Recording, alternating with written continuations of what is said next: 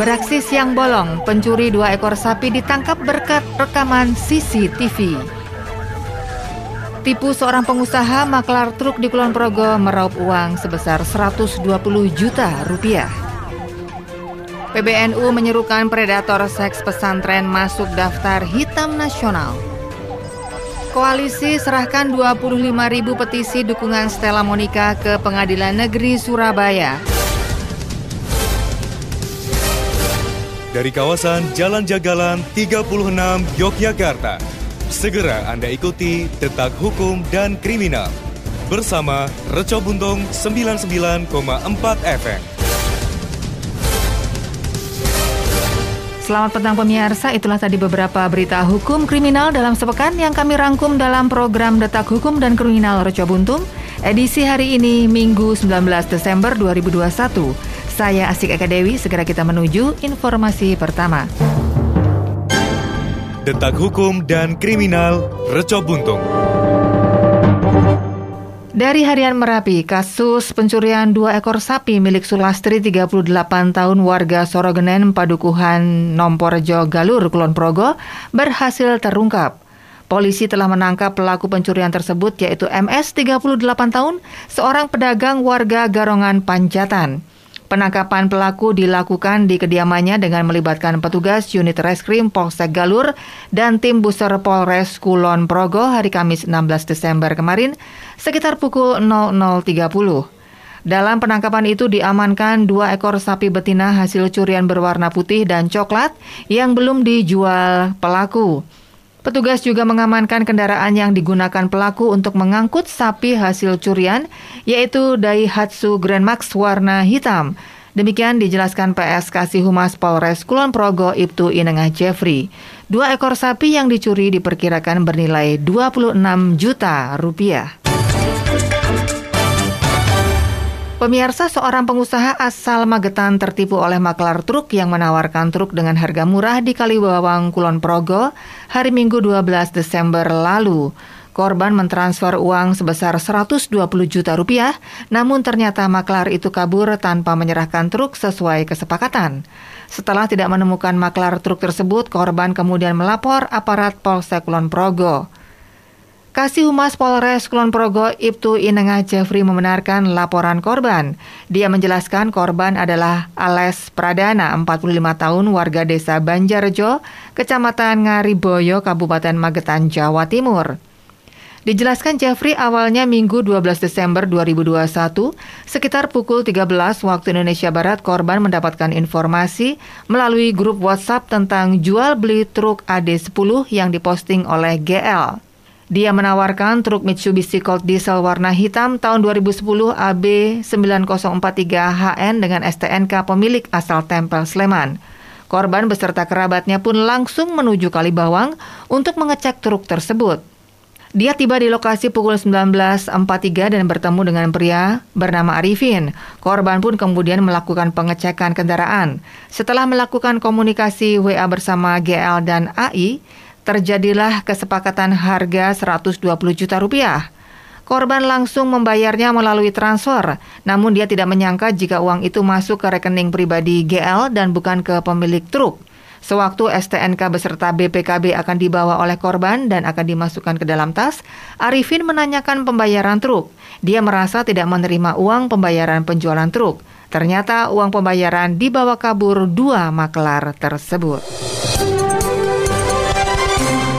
Dari CNN Indonesia, Koalisi Masyarakat Pembela Konsumen kompak menyerahkan petisi yang berisi 25 ribu dukungan untuk Stella Monica, konsumen klinik kecantikan yang dijerat Undang-Undang Informasi dan Transaksi Elektronik, Undang-Undang ITE atas laporan Elviors. Petisi itu diserahkan ke Pengadilan Negeri Surabaya.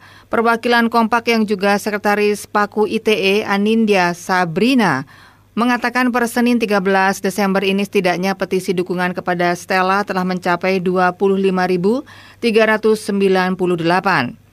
Dalam petisi yang ditandatangani puluhan ribu orang tersebut, publik ingin Stella dibebaskan dari segala jeratan hukum Undang-Undang ITE. Menurut pihak Anindya, Stella justru korban kriminalisasi. Komplainnya, Soal layanan klinik kecantikan adalah wajar. Pasalnya Stella adalah konsumen yang memang dilindungi oleh Undang-Undang Nomor 8 Tahun 1999 tentang Perlindungan Konsumen. Sebagai informasi, Stella Monica dipidanakan dengan dugaan pencemaran nama baik Undang-Undang ITE. Ia dilaporkan oleh klinik kecantikan Elfiors, tempat dirinya menjalani perawatan usai mengunggah curahan hatinya tentang kondisi kesehatan wajahnya di akun media sosial Instagram pribadinya. Stella pun dituntut dengan ancaman hukuman pidana satu tahun penjara dan denda 10 juta rupiah subsidiar dua bulan kurungan. Status terkait risiko COVID-19 Pemerintah Republik Indonesia menetapkan empat status orang terkait risiko virus corona atau COVID-19. Yang pertama, orang dalam pemantauan atau ODP, kemudian pasien dalam pengawasan atau PDP, suspek, dan yang keempat adalah confirm positif COVID-19.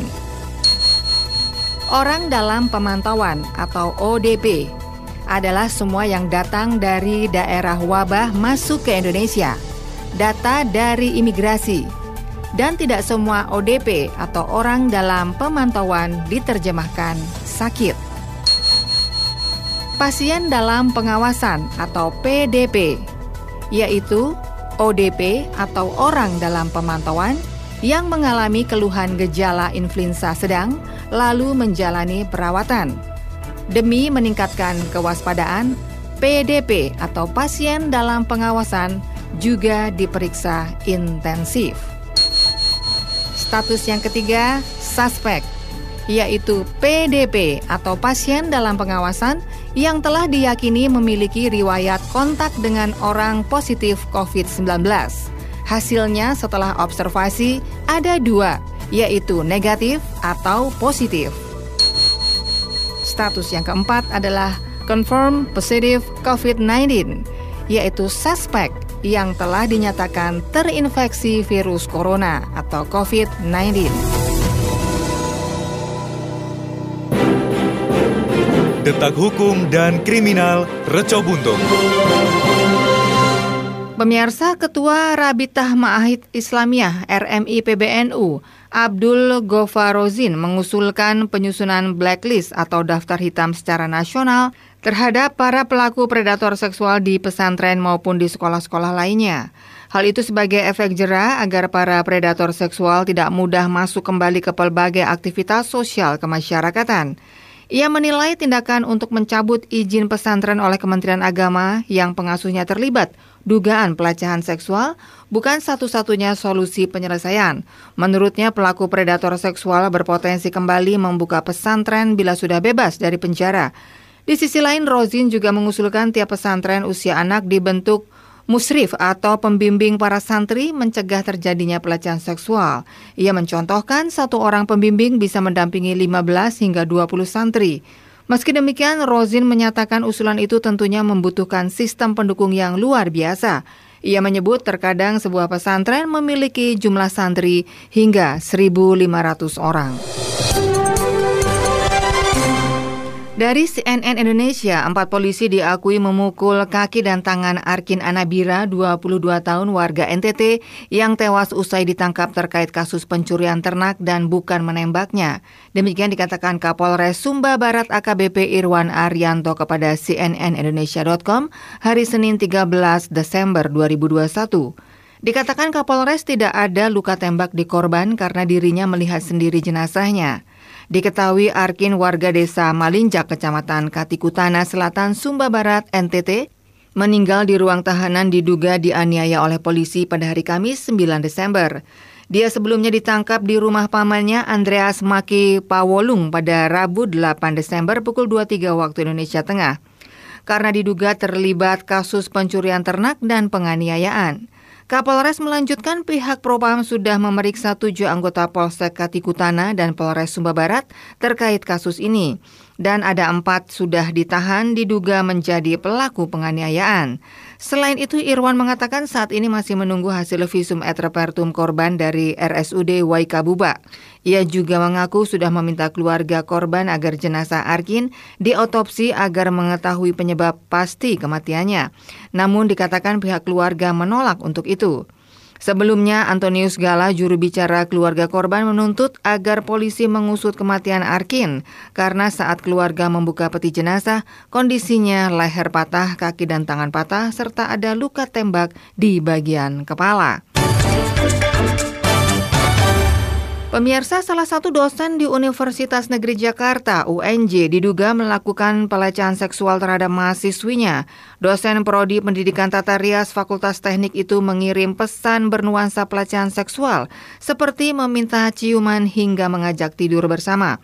Koordinator Studi NPIS UNJ, komunitas yang mendampingi korban kekerasan seksual, Aprilia Resdini, mengatakan aduan pelecehan seksual oleh DA pertama kali mereka terima pada 2019.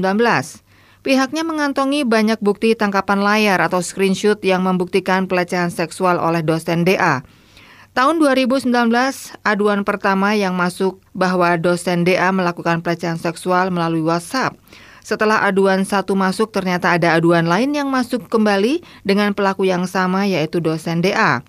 Menurut Aprilia, dalam bukti tangkapan layar itu, DA meminta mahasiswi yang hendak izin tidak mengikuti kelas untuk dicium terlebih dahulu.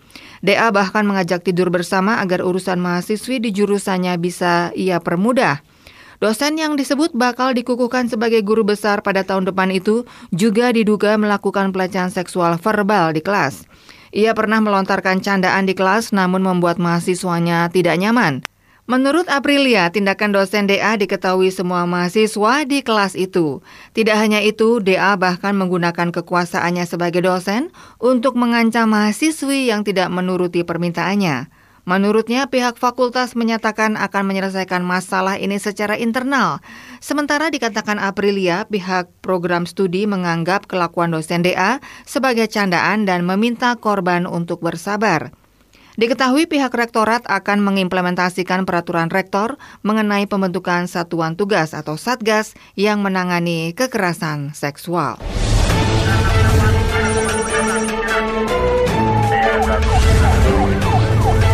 Pemirsa informasi tadi menutup jumpa kita di Detak Hukum dan Kriminal Reco Buntung edisi hari ini Minggu 19 Desember 2021.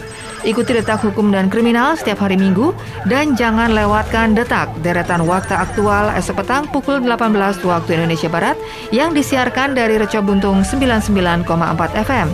Saya Asik Eka Dewi undur diri, selamat petang, jangan lengah, dan tetap waspada. Pemirsa, telah Anda ikuti Detak Hukum dan Kriminal. Produksi Reco Buntung 99,4 FM.